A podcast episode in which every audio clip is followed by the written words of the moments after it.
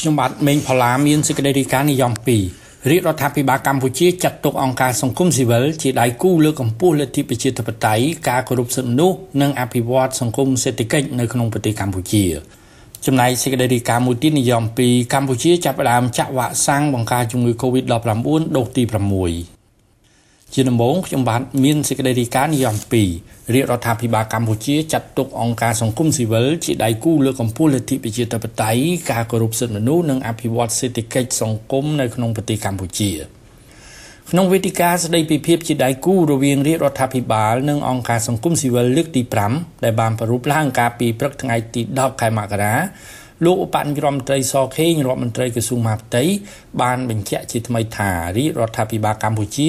បានចាត់ទុកអង្គការសង្គមស៊ីវិលជាដៃគូក្នុងការចូលរួមលើកកម្ពស់លទ្ធិប្រជាធិបតេយ្យសេរីភាពនិងការគោរពសិទ្ធិមនុស្សការពង្រឹងនីតិរដ្ឋនិងការអភិវឌ្ឍសេដ្ឋកិច្ចសង្គម។ លោកសខេងបានបញ្ជាក់ថារាជរដ្ឋាភិបាលកម្ពុជាមានកាតព្វកិច្ចនិងបន្តបដិញ្ញាចិត្តក្នុងការពង្រឹងដំណើរការលទ្ធិប្រជាធិបតេយ្យព្រមទាំងការលើកស្ទួយសិទ្ធិសេរីភាពរបស់ប្រជាពលរដ្ឋនីតិរដ្ឋនិងលំហនយោបាយតាមរយៈការពិគ្រោះយោបល់ជាមួយគ្រប់តួអង្គពាក់ព័ន្ធនានា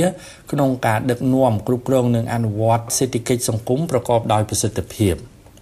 បាទជាទូទៅខ្ញុំគិតថាល្អអមែនទែនដោយសារថាយើងបាន ហើយតែមានការប្រជុំដើម្បីបូកសរុបបទពិសោធន៍នៅលទ្ធផលការងារដែលយើងធ្វើបានហើយនឹងពិនិត្យមើលបញ្ហាប្រឈមនានាហើយដែលរឿងនេះជាលើកទី5ហើយមែនទែនអឺបើសិនជាមិនមានកូវីដការប្រជុំនេះគឺយើងធ្វើបានច្រើនជាងនេះ ប៉ុន្តែឥឡូវនេះចាប់ពីពេលនេះទៅគឺថាយើងមានការខំធ្វើបញ្ហានេះឯកទៅតាមច្បាប់ឬមួយក៏គោលនយោបាយរបស់រដ្ឋាភិបាលកម្មវិធីនយោបាយរបស់រដ្ឋាភិបាលគាត់ខ្ញុំគិតថាពួកគាត់នឹងឯកទៅលើនោះដើម្បីគាត់លើកជាគម្រោងហើយចូលរួមឧទាហរណ៍ថាគាត់ត្រូវការអនុវត្តគម្រោងណាមួយអឺតកតងនឹង ការជួយដោះស្រាយនៅមូលដ្ឋានឧទាហរណ៍ថាតកតងកម្មាព្រាឬក៏តកតងនឹងបញ្ហាសង្គមកិច្ចអីផ្សេងៗទៀតជាដើមអញ្ចឹងគាត់លើកគម្រោងដើម្បីស្វែងរកថវិកាពុកថវិកាហើយបានមកគឺថាគាត់អនុវត្តគម្រោងនេះដែរឬមួយក៏គាត់ចុះកិច្ចប្រឹងប្រែងរបស់ NGO ដែលចុះនៅក្រសួងការបរទេសគឺជា NGO បរទេស តែ NGO បរទេសគាត់ទៅធ្វើការជាមួយនឹងក្រសួងណាថាក្រសួងកសិកម្មផ្នែកអីមួយក្រសួងគុំកិច្ចផ្នែកអីមួយក្រសួងវប្បធម៌ក្រសួងអប់រំជាដើមឡាក់នឹងឡាក់បានការព្រមព្រៀងនេះហើយបានក៏យកអានឹងទៅចុះបញ្ជីនៅក្រសួងការបរទេសនឹងប្រទេសរួចហើយគេអនុវត្តតាមនោះ ចំណែកក្រុមអង្គការសង្គមស៊ីវិលដែលបានចូលរួមវេទិកាបានលើកឡើងនៅការស្នើសុំ5ចំណុចជូនដល់ក្រសួងមហាផ្ទៃដើម្បីអន្តរាគមន៍ក្នុងការងារជាដៃគូនឹងរាជរដ្ឋាភិបាល5ចំណុចនោះរួមមានការស្នើឲ្យក្រសួងមហាផ្ទៃពិចារណាទទួលយកធាតចូលនិងសំណុំពររបស់អង្គការមិនមែនរដ្ឋាភិបាលឲ្យបានខ្ពស់ពាក់ព័ន្ធទៅនឹងការធ្វើវិសោធនកម្មច្បាប់ស្តីពីសមាគមនិងអង្គការមិនមែនរដ្ឋាភិបាលព្រមទាំងស្នើសុំឲ្យអនុវត្តនិងពង្រឹងកិច្ចសហការរៀបចំវេទិកាភាពជាដៃគូរវាងសង្គមស៊ីវិលនិងរដ្ឋបាលខេត្តយ៉ាងតិច2ដងក្នុងមួយឆ្នាំជាដើម។ក្នុងវេទិកាស្ដីពីភាពជាដៃគូរវាងរាជរដ្ឋាភិបាលនិងអង្គការសង្គមស៊ីវិលដែលរៀបចំធ្វើឡើងនៅសន្តាគារសុខាភ្នំពេញកាលពីថ្ងៃអង្គារលោកបញ្ញរដ្ឋមន្ត្រីសខេងក៏បានអំពាវនាវទៅកាន់សមាគមអង្គការមិនមែនរដ្ឋាភិបាលឲ្យព្យាយាមជៀសវាងដាច់ខាតរាល់សកម្មភាពទាំងឡាយណា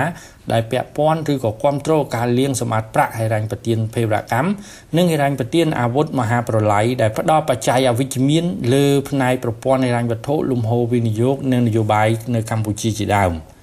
ក្រៅពីនេះលោកសខេងក៏បានណែនាំដល់សមាគមនិងអង្គការមិនមែនរដ្ឋាភិបាលដែលចុះបញ្ជីនៅក្រសួងមហាផ្ទៃនិងសមាគមអង្គការមិនមែនរដ្ឋាភិបាលបរទេសទាំងអស់ដែលបានចុះអនុសារណៈជាមួយក្រសួងការបរទេស បន្តចូលរួមអនុវត្តសកម្មភាពរបស់ខ្លួនឲ្យស្របតាមបទបញ្ញត្តិនិងច្បាប់ស្តីពីសមាគមនិងអង្គការមិនមែនរដ្ឋាភិបាលនៅកម្ពុជារួមនឹងលិខិតបទកថានីតិយុត្តនានាជាធរមានជាពិសេសស្របតាមលក្ខន្តិកៈដែលបានតម្កល់នៅក្រសួងហាផ្ទៃនិងនៅក្រសួងការបរទេសពាក់ព័ន្ធទៅនឹងការលាងសម្អាតប្រាក់ថ្នាក់ដឹកនាំអង្គការឃ្លាំមើលការលាងលុយកខ្វក់និងរញ្ញប្រទានភេរវកម្មពិភពលោកដែលហៅកាត់ថា FATF នឹងអញ្ជើញមកបំពេញទស្សនកិច្ចនៅកម្ពុជារយៈពេល3ថ្ងៃចាប់ពីថ្ងៃទី11ដល់ថ្ងៃទី13ខែមករានៅពេលផ្ដើមដំណើរទស្សនកិច្ចនៅកម្ពុជានាថ្ងៃទី11ខែមករានេះប្រតិភូអង្គការ FATF នឹងចូលជួបសម្ដែងការគួសមនិងពិភាក្សាការងារជាមួយលោកនាយរដ្ឋមន្ត្រីហ៊ុនសែននិងជួបលោកសខេងរដ្ឋមន្ត្រីក្រសួងមហាផ្ទៃកម្ពុជាត្រូវបានចាត់ចូលក្នុងបញ្ជីប្រភេទដែលជាប្រទេសលាងសម្អាតប្រាក់ ក្នុងចំណាត់ថ្នាក់នេះកម្ពុជាបានប្រឹងប្រែងធ្វើការងារជាច្រើនដើម្បីឲ្យស្ថាប័នអន្តរជាតិដកឈ្មោះកម្ពុជាចេញពីបញ្ជីប្រភេទព្រោះថាអាចនឹងប៉ះពាល់ដល់ប្រព័ន្ធធនាគារនិងហិរញ្ញវត្ថុរបស់កម្ពុជា។